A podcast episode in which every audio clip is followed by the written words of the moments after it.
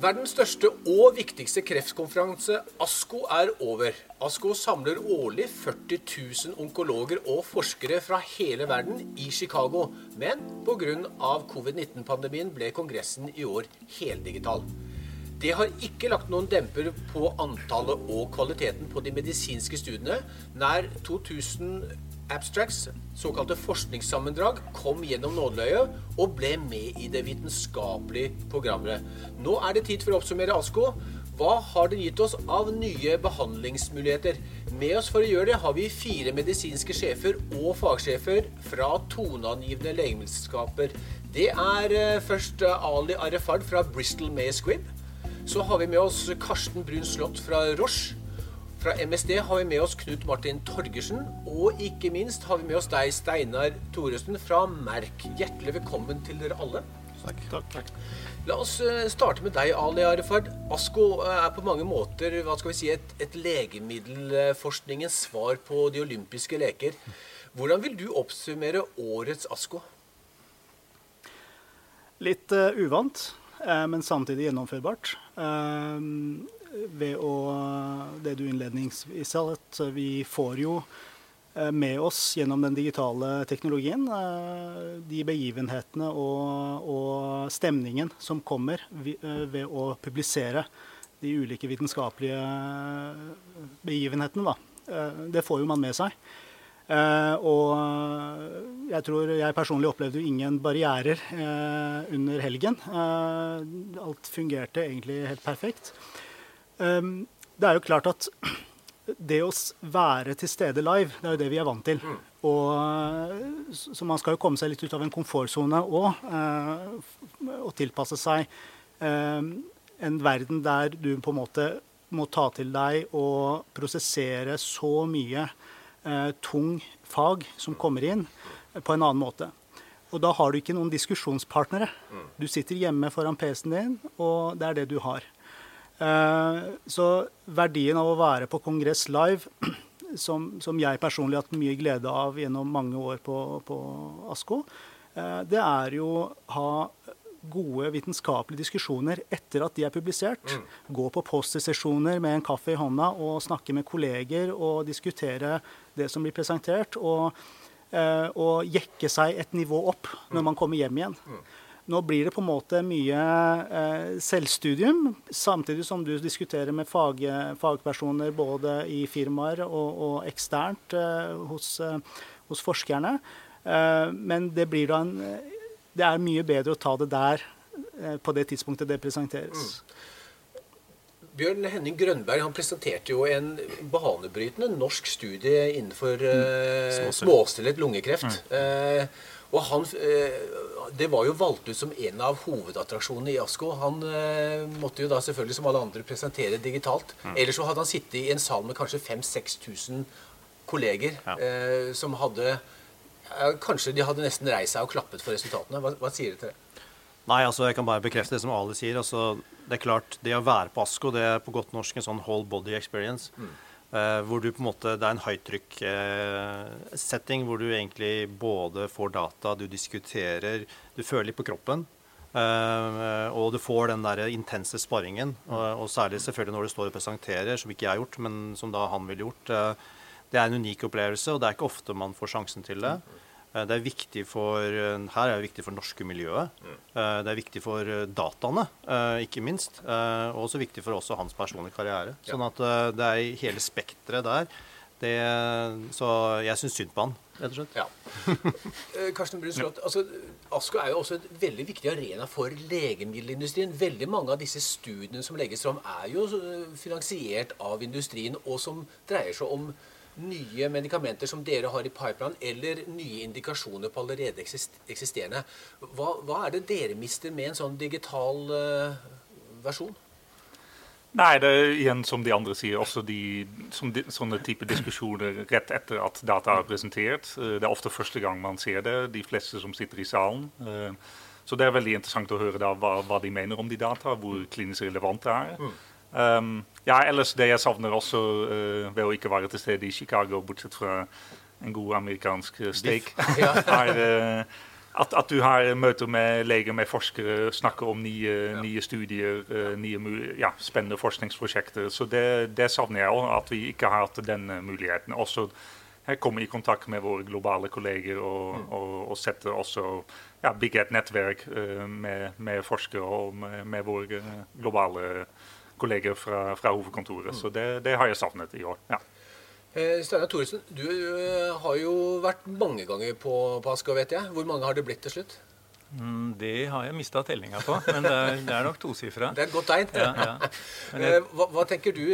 Satt du og så på, på den digitale presentasjonen? Ja, det, jeg gjorde nok det. Det var jo pinse og sol. Eh, men, men, som eh, Ali sier, så følte man jo seg litt sånn ensom ja. når man satt foran sin skjerm på hytta og, og fulgte med uten å ha kolleger eller eh, andre å snakke med. Men på den annen side så tror jeg eller det skal bli spennende å se tallene, der, hvor mange som som virkelig har sett presentasjonene. For vi har litt erfaring fra en del andre kongresser at det er faktisk flere mm. som får med seg ting når det er digitalt, enn som har anledning til å reise. Så det er oppsiden av det. At det kanskje ja. det når flere. Altså nyhetsloven ja. eh, vil eh, kunne dekkes av flere i og med at det er eh, digitalt. Ja, det er, det er litt demokratiserende. at det ikke det er bare overlegene og de som mm. har lang ansiennitet eh, på sykehusene, som, som, har mulighet til å følge presentasjonen. Man har jo sett en tendens til at de som reiser, er seniorene. Mm. Eh, altså Hvis vi snakker om akademia akademia eh, og sykehusene, men, men, digitale løsninger kan åpne for at nyhetsfloven også når flere eh, leger. Mm. Men det, liksom, det, går på selve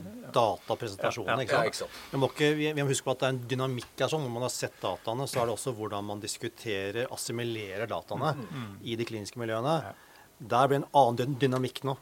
Eh, og den tror jeg at det er viktig at eh, fagmiljøene tar ansvar for, og så kanskje vi også kan fasilitere. Mm. Mm. Og mye av de eh, aktivitetene som, som, skjer mellom industri og, og, akademia, er jo nettopp planlegging av forskningssamarbeid. Mm. mm. Og møte med globale ja. kolleger som da kan uh, selv direkte snakke med uh, forskningsekspertene fra Norge, som kan presentere seg selv, sin institusjon, sin forskning, og på den måten bidra til at man faktisk får da flere studier til Norge. Uh, og den dynamikken mister man litt gjennom den digitale løsningen, for det må man på en måte gjøre separat. Men, men, eh, men, det er i hvert fall en av de gullgruvene gull som på en måte norske forskningsmiljøer i samarbeid med industrien har hatt. gjennom å... Ja, jeg tror det er et viktig poeng. og Vi har alle sikkert her konkrete eksempler på mm. konkrete direkte kliniske studier som er kommet i stand etter møtet på ASKO ja. eller ESMO. Ja. Og, og den, det gikk vi glipp av nå. Ja. Men nå ser jeg jo at uh, Esmo også blir digital. Da. Så dette er noe som vi kanskje må leve med en stund. Og kanskje det vil endre måten vi har kongresser på TV-tid også. Ja. Det er jo interessant å si, Steinar Thoresen. Altså, hva tror dere andre også? Er, er, dette, Kommer man tilbake til disse gigantiske konferansene? Altså, som jeg nevnte innledningsvis, 40 000 eh, kreftleger og industri er samlet på, på, på ett noen få korte dager i Chicago, tilsvarende i andre store konferanser, som ESMO som ble nevnt. Det er kjempestor risiko eh, for arrangører. Eh, eh, tror dere at, at det, det, blir mer komboløsninger med digitalt og skråstrek konferanse? Ja, jeg tror det. Jeg tror det blir ikke bare det, men jeg tror måten vi arbeider på. Mm. Jeg så i dag at eh, Telenor-sjefen sendte brev til alle ansatte at de kunne jobbe hjemme herfra til evig tid. Mm. Så, så det, klart, det, blir endringer i måten vi arbeider på, som vi må, må, må justere. Men, men, men, man er jo redd for den fysiske eh, kontakten, at den blir borte. Da. Det er noe med interaksjon og bli kjent, eh, lav terskel på å ta kontakt, som kan bli, bli borte i dette. Mm. Og det er et eller annet når du putter folk i et rom. Ja. Og som Karsten nevnte, altså, det er veldig viktig, for vi ønsker jo å bringe våre aktører i kontakt med våre topp, toppmiljøer. ikke sant? Og det skjer fysisk i et rom på ASKO. Så det er enormt mange møter som settes opp for å diskutere studier, ideer, konsepter. Uh, og, og det, det, er alltid det er menneskelige relasjoner her òg, ikke sant. Uh, mm. Men jeg tror helt klart at man uh, har lært ting nå, og, og, og plattformene mm. vil, vil, være der. Så man vil nok ha en annen dynamikk. Men jeg håper jo at man fortsatt vil ha fysiske møter. Ja, ja. Ja. La oss gå litt inn, Vi skal ikke gå inn og se på de konkrete eh, studiene som ble lagt fram, men snakke litt overordnet om eh, immunterapi, målretta behandling, mm. next generation sequencing. Eh, hvor, liksom, hvor, er det dette kommer til å bringe oss? La oss ta først immunterapi. Det har jo den kom jo rundt 2010-2011. Mm. Uh, har, fått, har, fått Nobelprisen også. Uh, Tasuko Honyo og Jim Allison fikk den uh, for et par år tilbake. vi ser jo at immunterapiens nå, Mange av studiene dreier seg om å gi immunterapi tidligere, altså som førstelinjebehandling. Mm. Og den trenger inn også i nye indikasjoner, nye sykdomsområder, som, som, vi så på ASKO, som, som blærekreft og tykktarmskreft og den type ting, hvor det ikke hadde vært, har vært slipper ordet løs. Hva, hva tenker dere om, om, denne immunterapien og fremtiden der? Skal jeg starte? uh, vi Nei, altså Jeg tror vi alle er enige om at uh, det som blir veldig synlig på ASKO, og for så vidt også ESMO og AACR hvert eneste år de siste årene, det er at utviklingen går mot å starte behandling mye tidligere mm. og presisere den mye tidligere. Og det man lærer egentlig av, er jo de eh, fra de studiene som har vært i avansert setting, altså metastatisk setting, eh, der man gjør fase 3-studier, og så gjør man masse translasjonelt arbeid der. Finner eh, elementer som kan på en måte eh, ses på tidligere fase. Og så kan man da designe smartere studier tidlig, slik at man kan kanskje da fange opp riktig pasientpopulasjon i en tidligere fase, f.eks. i en adjuvant, neoadjuvant setting. Mm. Uh, og det ser vi jo nå også kommer nå. ikke sant? At det var jo veldig mange studier som faktisk demonstrerte fra uh, registreringsstudier at uh, når man gjør mye transnasjonelt arbeid, så får man mye mer innblikk på hvem er det som responderer og ikke responderer. Det er det ene. Og ikke minst de som responderer. Det er en heterogenisitet der også som man må finne fange tidlig. Mm. Og Next Generation Sequencing, siden du, du, nevnte det, det er ikke svaret på alt. Og det viste ASKO i år. For veldig mange av teknologien som ble brukt, var multiomics. Det, det er det det kalles på fagspråket. Fordi at det, bru, det brukes da ulike plattformer i tillegg til NGS for å, for å eh, forstå biologi og, og, og, markørbiten av biomarkører. ikke sant? Og det, det på en måte er, er, eh, kan du si, er det neste. At nå er jo NGS her, men basert på de dataene som ble lagt fram på ASKO, og teknologi som blir brukt, så er det mye mer enn NGS man skal bruke nå fremover for å finne, presisere behandling. Mm -hmm. Nei, og, og, så det er en viktig trend, tenker jeg. og gå tidligere, behandle pasienter tidligere med immunterapi og bli flinkere til å finne ut de som, som kan ha en god respons. I tillegg det vi, det, det vi har sett nå på denne SK, uh, eh, tenker jeg er at, at, man kombinerer immunterapi med, med en annen type immunterapi. Eksempel. at man kombinerer to typer immunterapier for å igjen øke effekten av, uh, av, av en, en, monoterapi med immunterapi. Mm. Så, så der kom noen veldig spennende studier innenfor lungekreft f.eks., hvor man ser faktisk at ja, ok, du har nå en kontrollarm som er immunterapi, du legger til en ekstra immunterapi, og du får faktisk en mye bedre respons. Mm. Ja. Og da snakker man ikke om, kanskje om en todobling, tredobling av en respons. Så det er ganske imponerende, tenker jeg. Og da må man selvfølgelig også se ja, det, går det på bekostning av, sikkerhet. Uh, I fleste tilfeller ja, immunterapi tolereres ganske bra. Um, så det, det, er spennende. Og det, selvfølgelig sånne, ja, Dette var jo data fra he, mindre studier, fase, fase 2-studier. Så det er viktig å bekrefte det i fase 3-studier. Men jeg tror det er i hvert fall en trend at man kombinerer immunterapi med immunterapi med en annen type terapi for å få enda flere respondere. Ja. Vi så, så, jo også at det uh, kombinerer immunterapi med kjemoterapi. Ja.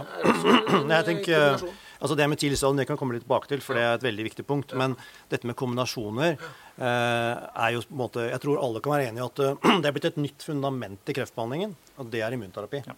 Uh, fordi vi har oppdaget at vi kan reaktivere og igangsette immunaktiveringen mot, mot, mot tumor. Da. Så Eh, kombinasjoner skjer på mange plan. Skjer, kan, du kan godt kalle det klassiske kombinasjoner, dvs. Si kjemoterapi og stråling. Eh, stråling tror jeg alle er klar over at det ligger et stort potensial der. Kanskje det som Bjørn Henning Grønberg og de publiserer, eh, kan være et element i det. Mm. Og gi clou på hvordan man best mulig kan utnytte stråling igjen i kombinasjon med, med immunterapi. Kanskje, da, kanskje til og med spesifikt på småcellet lungekreft, som, som, er en utfordrende ting. Mm, mm. Men det å finne den kombinasjonen som løfter eh, tumorer som, kall, som, vi kaller kalde, som kanskje ikke har det immunsvaret, til å gi et immunsvar. Mm. men også styrke, sånn som Karsten sier, altså at du, går, du, du hever responsrate, du hever eh, nytte. da, mm. eh, I tillegg når du kombinerer. Men det er det å finne den der synergieffekten. Ja. Um, og det er veldig logisk når man tenker på hvordan immunterapi funker, at hvis du tar kjemo eller stråling, så dreper du celler, du gir antigenfrigjøring, som igjen kan trigge immunsystemet. ikke sant? Eh, men det å finne den riktige kombinasjonen her, det er ikke gjort sånn. Mm. Så der jobbes det ekstensivt. Eh, og i tillegg så er det dette å kombinere med målrettet behandling, som vi nå har allerede indikasjoner på i nyrekreft f.eks., hvor man eh, både da kan reaktivere immunsystemet på ene siden, og angripe tumoren på den andre siden samtidig. ikke sant? Sånn at Hvordan få dette samspillet til å fungere. Så det, det jobber alle med. eh, hvordan løfte hele den porteføljen. Mm. Jeg syns det er også interessant å, å se Eh, spesielt når det gjelder immunterapi, kanskje, på, på, hvilke pasienter det har effekt på. Mm. Eh, det ser jo ut til at for en rekke tumorformer så har det effekt på hele populasjonen, litt uavhengig av eh, biomarkørstatus. Mm. Så der er det fortsatt en lang vei å gå, tror jeg, på å, å finne de rette pasientene. For det, Man ser på mange av de store studiene med flere hundre pasienter inn i armene at det har effekt på totalpopulasjonen også. Mm. Ikke nødvendigvis bare de som har positiv på en markør. Så, så, der er det et uh, litt upløyd mark uh, fortsatt. Så hvis jeg forstår det riktig, immunterapi det, det er sjekkpunkthemmere mot PD1 og PDL1. Det er ja. de to uh, Og, og CTLA4. Og CTLA4, helt riktig. Det er riktig. Det var Jim, Jim Allison som fant det. Ja. Så, så må man lete etter disse biomarkørene hos hos pasientene og teste de genetisk for at det skal være relevant å gi de eh, den immunterapien? Eller er det som du sier, Steinar, bør man være mer eh, si, liberal og, og, gi medikamenter til også de som ikke nødvendigvis har uttrykk for disse to, eh, eller de tre markørene på, på, på kreften sin? Resultatene spriker jo litt, da, men mm. man, man, ser jo store studier hvor uh, immunterapi har effekt for hele studiepopulasjonen, mm. uavhengig av uh, status på biomarkøren. Mm. Men, men, hvor man ser at det er sterkere effekt der biomarkøren er til stede, f.eks. Så jeg tror det fortsatt er en vei å gå. og og, eh, og, lære seg eh, mer om pasientene.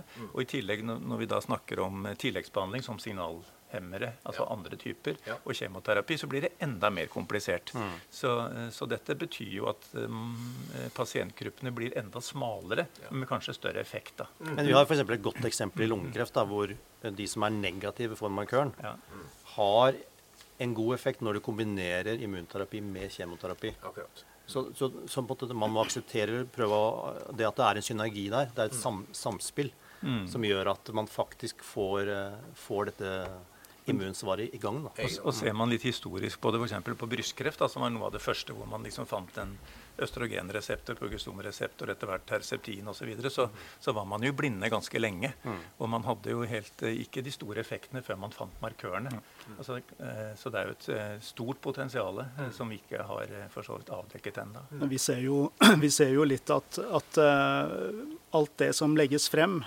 nå på ASKO og, og ACR for, for litt over en måned siden, det handler jo om uh, å forstå biologi mm. og forstå science. Og jeg, er enig med deg, Steinar, at det, er jo vanskelig uh, å på en måte trekke ut uh, en presis markør eller en, en populasjon som ja. vil dra den beste nytten da, mm. av, av, av, et, av en, en, intervensjon.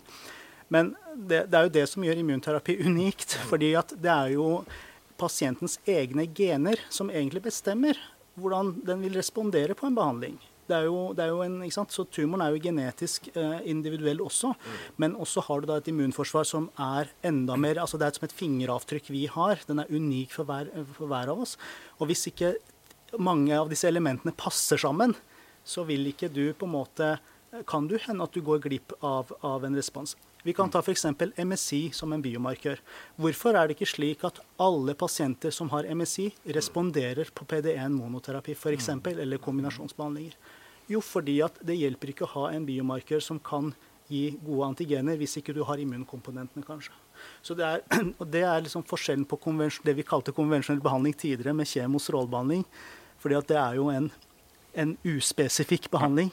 Selv om PD1-hemmer også er uspesifikk på den måten, så er det på en måte immunforsvarets spesifisitet som, som, på en måte vil, vil uh, svare om pasienten responderer eller ikke. Jeg får huske at eh, denne checkpoint det er egentlig å å fjerne bremsene. Mm. Som er blitt eh, som en del av en evolusjon i samspillet med, med tumorutviklingen. ikke sant? Mm, det er ikke det. Så det, Men, er Eksempler på ytterpunktene der. altså Det er ikke mange år siden lungekreft var en black box.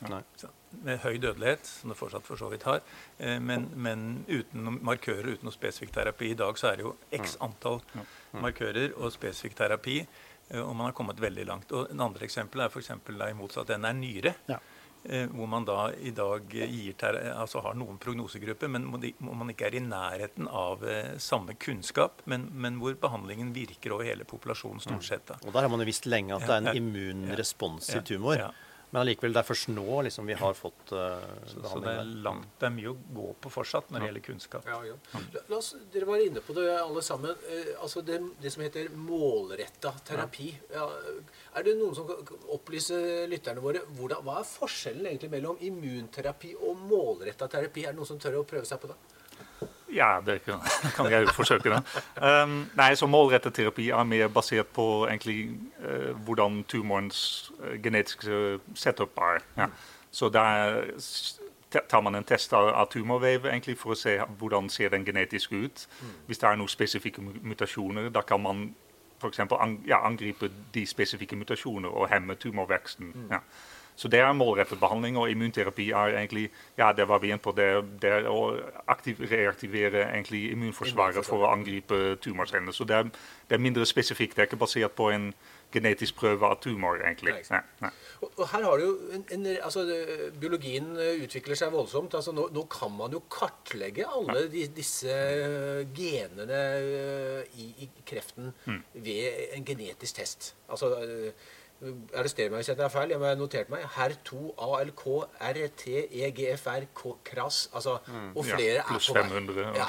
Nei, men, altså, men hvis vi bruker lungekreft, da, som kanskje er det beste eksempelet, som, eh, som Steine var inne på, så er vel det feltet som kanskje er ledet an litt, sånn, har fått det i klinisk eh, praksis. Um, og det er jo helt klart nå at du kan ikke snakke om lungekreft som én sykdom. Nei. Eh, det må vi bare se bort fra. Og de gjennombrudd som er gjort på EGFR og ALK f.eks., uh, har jo dramatisk endret prognosen for disse pasientene. Og også de, noen av de resultatene som er presentert nå, eh, hvor man behandler noen da i adjuvant eh, setting, er, ser jo også svært lovende ut. Um, det å, eh, så jeg vil gjerne bringe litt, litt tilbake hvis mulig til Ja. det der med å, å, å, å gi tidlig behandling. Fordi um, intensjonen skifter. fordi at vi egentlig så ønsker vi å unngå at, flere, at pasienter eh, blir, blir diagnostisert i metastatisk eh, stadium. Ikke sant? Og hvordan gjør vi det? Jo, vi flytter behandlingen opp. Uh, og prøver å finne pasientene før de får metastatisk sykdom. Noen ganger så er det helt umulig, fordi det, er måten å presentere på. Uh, men, uh, og da snakker vi adjuvant, kanskje neadjuvant, kanskje stadium 1-2. Altså helt tidlig, og der pågår det ganske mye. Og da er jo på en måte intensjonen kurativ på en helt annen måte. Eh, det som jeg vil da bringe på bordet, er dette med hvilken betydning det har en helseøkonomisk vurdering.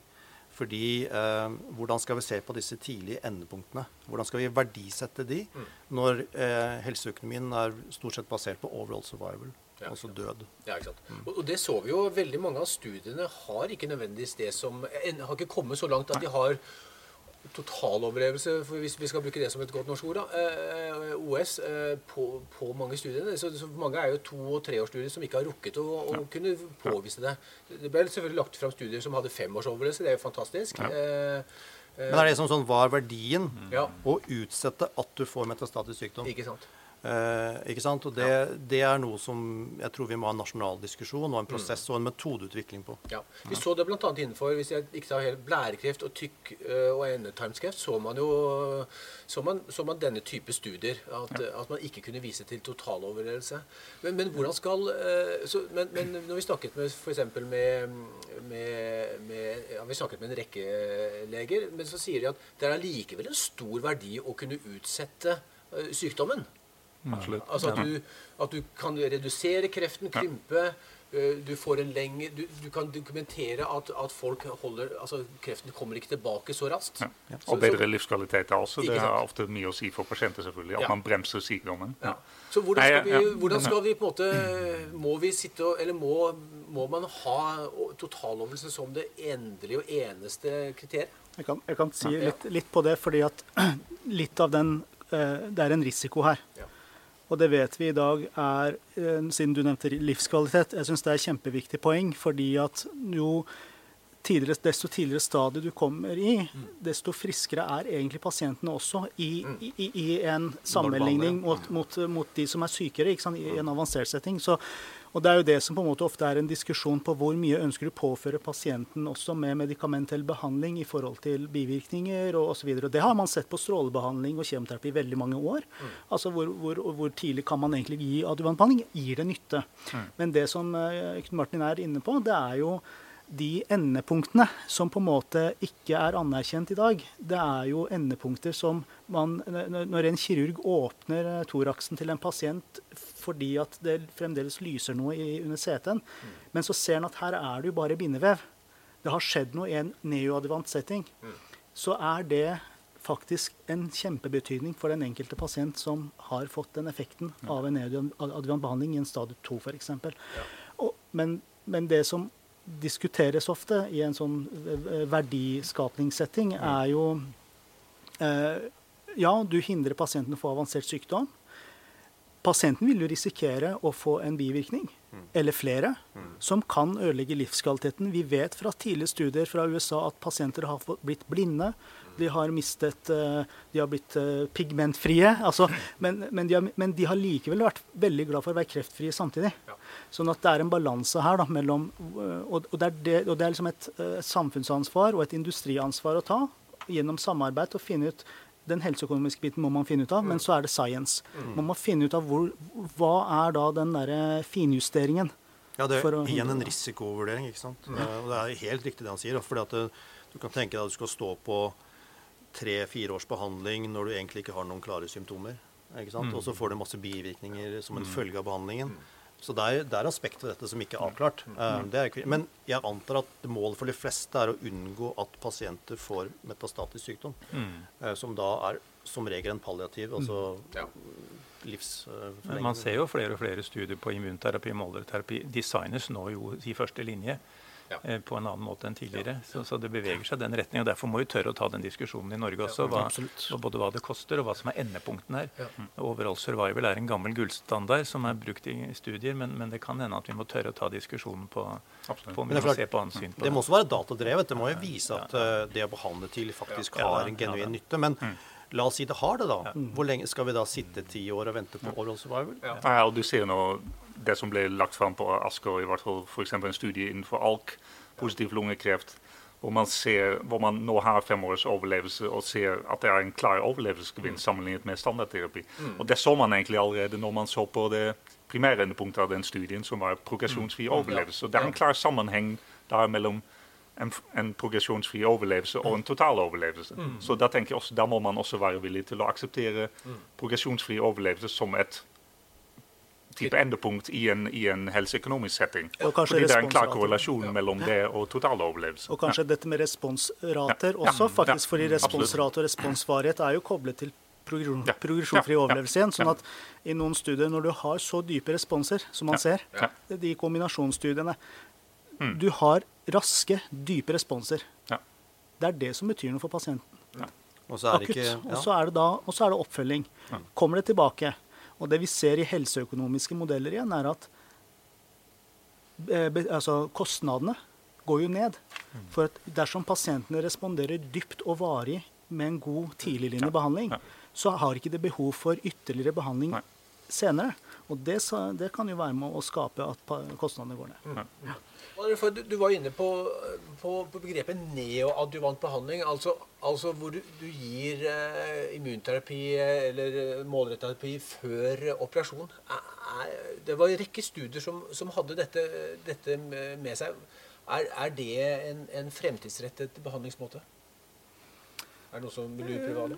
Ja, altså helt klart. Det er det. Og, og vi ser at jo mer vi lærer eh, og Der vil jeg egentlig takke immun, immunterapi og all forskning som er blitt gjort der. fordi at fokuset på hvordan immundynamikken er i tumorvev, det har jo man vist lenge. At pasienter som får en operasjon, har de immunceller in, altså, i, i svulstene sine, så lever de lenger etter operasjonen mot pasienter som ikke har immunceller i svulstene sine fra operasjonstidspunktet. Dette er publisert fra 2001 og 2003. Eh, og, og, det vi da, hvis vi da kommer til, til, til, et tidspunkt i dag da, der vi ser at man kan gi moderne eh, medikamentell behandling eh, før operasjon, så handler det ikke om bare at du eh, gir en overlevelse, men med en risiko for å få tilbakefall. Du gir en kurativ. Du setter pasienten i en kurativ setting. Og du kan også kanskje kombinere neoadjuvant behandling. Du kan kombinere med strålebehandling. Du kan kombinere med kjemoterapi. Du kan kombinere i den form at du gir kanskje målretta immunterapi først, mm. så opererer du, og så fortsetter du med cytostatika eller strålebehandling. Ja. Altså, det er så mange varianter, mm. men det må være datadrevet. Ja. Jeg, tror, jeg, tror, at brystkreft er et eksempel på hvordan utviklingen har gått. Hvordan tidligere man det ble diagnosert ved å kjenne en kul selv, gå til doktoren, ja. fjerne kulen og få strålebehandling eller cellegift. Og alle fikk samme type behandling. I dag har vi et screeningprogram eh, nummer én, og så har vi en brystbevarende kirurgi ofte. Og så har vi i tillegg fått eh, målrettet terapi, og gjerne også da neodervant og, og adjuvant terapi. Så jeg, jeg, tror det går den samme veien med en rekke andre tumorformer, men det må kunne dokumenteres. Ja, mm. Absolutt. Mm. Datadrevet. Ja. ja. ikke sant? Fordi sånn som brystkreft er veldig mye av um, forskningen og forståelsen av sykdommen har jo skjedd fordi de har gjort masse studier i neoadjuvant mm. uh, Mm. For da, måte, da, kan de veldig elegant vise responser og følge biologien Uh, før og etter behandling. Eh, og for da tar de ut vev også mm. et, når de opererer, selvfølgelig. Er, er rasjonalet da at med nedadjuvant behandling at, at du, du, gir det før operasjon, og så, og så, eh, fjerner man så mye man kan, men det vil alltid være rester igjen av, av tumoren. Mm. Og så vil f.eks. immunterapien den vil ligge inne og og ta, få en rettere arbeid mot det som er igjen. Ja, ja for eksempel, Du kan ha sånne mikrometerstaser som man ikke klarer å fjerne med kirurgi. Ja, som man ikke kan se. Ikke sant, så det, ja, og det kan også være at fordi du gir en neoadjuvantsetting, at det blir lettere å operere, at man lettere klarer å fjerne hele tumoren. Så det, for, for så det er også viktig. Nemlig. Ja, det har, jo hatt en effekt, det har jo en effekt også på, før, før kirurgi, selvfølgelig. Det kan, det kan rett og slett være ting som ikke er operable forut for neadjuvant, som blir operabelt ja. for følgebehandling. Mm. Men det er viktig å understreke at dette må dokumenteres. Ja, ja, altså, det, det, sånn, dette er ikke en quick fix. Nei, nei, men det er studier nå eh, Jeg kan si at Vi har studier hvor du har både neadjuvant og adjuvant del i samme studie. Ikke sant? Mm. Som en kontrollarm, da? eller? Eh? Nei, altså du, du har på en måte Du, du gjør eh, studier av endepunkt i neoadjuvant setting. Mm. Så har du operasjonen, og så gjør du endepunktsvurderinger også i adjuvant mm. som en følge av behandling. Så det, Eh, det begynner å bli ganske kompleks, men jeg tror dette er retningen. Det, skulle, um, det, er én ting. Men en annen ting når du går inn på tidlig stadium sykdom, da snakker vi liksom før det blir avansert. Det er ofte det vi snakker om når vi snakker om neoadjuvant og adjuvant. Det er det at det også vil antageligvis åpne perspektiver, igjen hvis dataene viser at det er nytte, at det er klinisk effekt, eh, med tanke på hvordan man ser på screening. Eh, hvordan skal vi finne pasientene? For hvis vi ønsker å behandle kreftpasienter i tidlig stadium, for å unngå at det blir avansert sykdom. Så, må, så da må vi finne dem. Mm. Eh, ikke sant? Uh, og det, da, er vi inne i, da er vi kanskje inne i en screeningdiskusjon med litt andre premisser da, ja. enn det som har vært drevet fram til nå. Det er jo vi har, som, som, du var inne på, Thoresen, altså vi har brystkreftscreening i mange år. Uh, og så kommer nå kommer endetarms, tykktarmsscreening. Uh, men og, og, folk går selv og screener seg med PSA, hvis, man kan kalle, hvis, det, hvis det er en god screeningsmodell, da, med, med, med prostata. Mm. Eh, altså, hva, hva, hva, kom, hva, er på en måte fremtiden her? Er det noen som tør å prøve seg i stedet? Nei, jeg sitter jo litt i glasshus, da, som har vært med på screeningen i Norge. Men, men uh, jeg tror jo, altså Ser man litt historisk på det, så har jo f.eks. cervixkancerscreeningen i Norge hatt formidable effekter. Mm. Eh, og redder eh, mange hvert eneste år. Eh, mammografi virker helt åpenbart samme, eh, på samme måte. Kolorektalscreeningen eh, kommer jo til Norge, og det er dokumentert også at den har effekt. Og i Norge settes den vel ut som en, som en studie, tror jeg, mm. i, i første omgang. Og så diskuteres det jo lungescreening eh, på risikogrupper med CT-screening. Så, eh, så, det er klart at dette eh, Og man har på sett og vis også en slags screening av hud i ja. privat og offentlig regi på melanom. Og man har diskutert prostata. Mm. Så dette blir aktuelt for flere og flere tumorformer. Men det, det handler jo om diagnostikk og teknologi, da. Mm. Samt at det, man må vise at det virkelig har effekt. Ja. For det er noen fallgruber der. Altså, mitt poeng var at vi ser studietrendene gå i den retning. Ja. Mm. Og hvis det viser seg at det er store effekter, da tror jeg det vil gi en annen plattform å diskutere screening på. Mm. Mm. Interessant. det går ekstremt fort framover. Vi, vi ser også en av, de, en av de tingene vi har bitt oss merke at, at kontrollarmene på mange av studiene det, den, mm. de har kjemoterapi, mm. men som det er jo utdatert behandling. Altså, Ta f.eks. lungekreft, hvor, hvor standardbehandling i Norge er jo også med immunterapi. Eh, eh, hvordan, hvordan, skal man klare å holde tritt med å ha kontrollarmer som er mer skal vi si, faglig up to speed? da? Hmm. I Norge så har vi hatt en utfordring, flere firmaer, tror jeg. At vi har eh, kunnet få studier, men kontrollarmene ikke, har medisin som ikke er godkjent i Norge. Ja.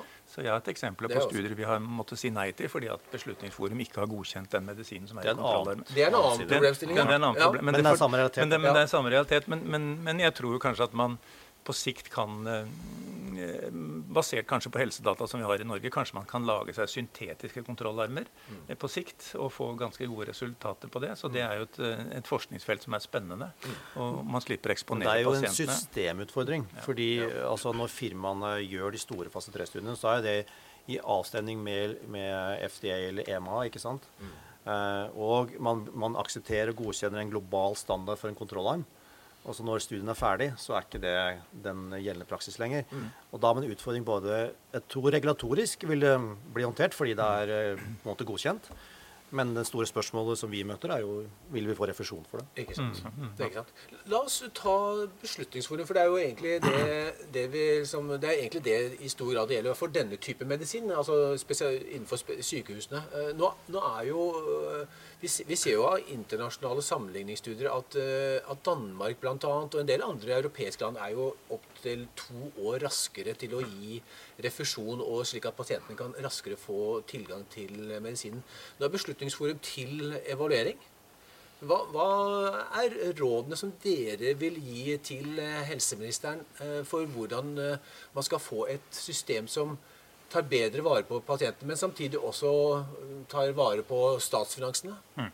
Ja, det var jo et kolossalt spørsmål. Det, det skal evalueres. Da. Men, men, men, sånn som vi opplever det, så er det vel eh, eh flere ting. Det ene er liksom eh, det store spriket mellom f.eks. onkologenes entusiasme etter ASKO mm. med i bruk og realiteten i Norge, som mm. betyr et år eller to, eller kanskje ikke. Ja. Sånn, så Det er jo den verden vi lever i. Eh, men, men eh, vår erfaring Det ene er jo at ting tar for lang tid.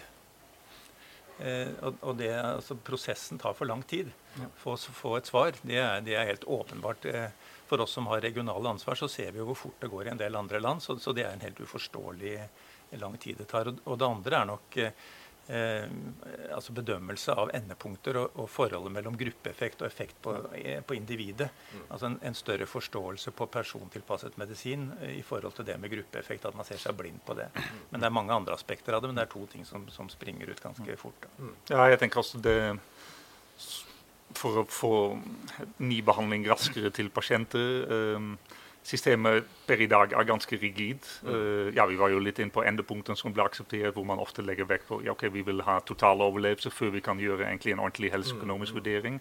Så jeg tror der har man mulighet til å være mer fleksible, kanskje gi en betinget eh, refusjon, eh, hvor man samler inn nye data, hvor man jobber sammen med Kreftregisteret for å se på mm. eh, kan vi samle inn overlevelsesdata fra norske pasienter mens de får behandling. Mm. Eh, og hvis det ikke viser en effekt, ok, da kan man selvfølgelig gjøre noe med, med med den uh, refusjonsvurderingen. Um, mm. Så jeg, jeg, savner litt den fleksibiliteten nå uh, i ja. systemet. Ja. Og som Steinar sier, ja, det går jo på bekostning av, av mindre studier i Norge. Vi, vi, har jo problemer da å, si, å, å, å, gjøre Norge attraktivt som et land hvor man vil legge kliniske studier. Og, og, det er jo et ønske fra regjeringen. Alle ønsker flere studier. Eh, og det er jo viktig for pasienter, for leger, for, for oss også å samle inn data. Men, eh, men, da må man også ha et system som, som, tar i bruk nye legemidler, nye innovative legemidler raskere. Ja. Og Det er rett og slett for at protokollene ikke kan gjennomføres fordi behandlingen ja. er ikke til stede. Ja. ja. Okay. Mm. Vi snakker om fleksibilitet og vi snakker om, vi snakker om nye ordninger. Det er klart at Du kommer ikke til nye ordninger med mindre det er arena for å samarbeide. For å komme frem til et system eh, som på en måte tilfredsstiller både statskassa og, og eh, innovasjonspotensialet og, og, verdien til, til nye behandlinger. Eh, det, det, er kjempeviktig å huske på. Og, og, og Parallelt som ASKO gikk nå, så, så, sendte jo NASA og SpaceX sin første ferd til internasjonale romstasjonen. Og det var så interessant å følge litt med på det faktisk, parallelt med ASKO. Fordi at når disse politikerne som hadde kjempet for å få dette til, snakket om hvordan de fikk det til, det handlet, det handlet, rett og slett om privat-offentlig samarbeid. Ja. Mm. Og, og, eh, og det, det, det, gikk et lys for meg der. Altså, når du sitter og lytter til to store aktører, som altså den amerikanske statskassa og NASA og SpaceX, sitter og klarer på kort tid å finne en løsning for å kunne lage en verdensbegivenhet, mm. eh, så er det mulig. Altså Det er mulig å ha gode eh, arenaer for å, for å, kunne diskutere nye, innovative løsninger, slik at vi kommer oss et steg videre. For det er jo de som er taperne igjen, pasientene. Ja. Og Det har vi jo sett i den covid-pandemisituasjonen, hvor, hvor, fort man kan sette opp studier, hvor godt eh, public-private samarbeid kan, kan, fungere da, og hvor, eh, når det er når det er et, et slags stressituasjon, hvis man har samme mål, da kan man samarbeide, og da kan man gjøre det veldig raskt. Så Trusselen er jo ofte da, er jo slik at når vi ser på data som presenteres på ASKO og alle kongresser, og publiseres i anerkjente tidsskrifter, det er at science forsvinner i diskusjonen. Mm. Og da blir det lite verdi om du har OVs responsrate, Altså Poenget er at diskusjonen dreier seg om noe helt annet igjen. Mm. Og det er en kjempetrussel for vitenskapen. Ja. Og det, det, også handler om uh, hvordan man skal investere i nye kliniske studier. Hvor mye skal man legge til? Og når vi snakker om komparatorarm, så er det slik at på det tidspunktet studiene starter, så er jo det en gjeldende komparatorarm, komparatorarm i majoriteten av de globale landene som studien skal gå i. Eh, sånn at man kan ikke trekke frem de landene som tar ting i bruk tidligere enn andre. Men Man må også huske hva en studie egentlig gjør. Mm. Det er å sammenligne om det er bedre enn den kontrollarmen. ikke sant? Ja, eh, jeg har ett poeng som jeg vil mense på Beslutningsforum, og det er dette med individuell behandling. Så jeg tror Steiner har et veldig godt poeng. Altså, sånn som systemet er nå, med gruppetenking, så er det på en måte satt opp per definisjon i motsetning til persontilpasset medisin. Sånn at Det er ikke samsvar der i det hele tatt. Sånn at det må etter min mening åpnes for en helt annen fleksibilitet og individuelle vurderinger. Mm. Det var en bra avslutning på denne samtalen. Det ASKO er bak oss. Eh, det veldig positive og Det er vel kanskje et, ASKO som, som, har glimret med veldig mange spennende studier i år, eh, og som bærer veldig positivt budskap fremover for for pasienter og de som skal behandle disse pasientene. Eh, tusen hjertelig takk for at dere ville være med oss og oppsummere dette. Ali Arifard fra Bristol May Squibb, tusen takk. Eh, Karsten Brun Slott fra Roche eh, fra MSD. Knut Martin eh, Torgersen. Og også Steinar Thoresen fra Merk. Hjertelig takk for at dere kom. Takk for at dere kom.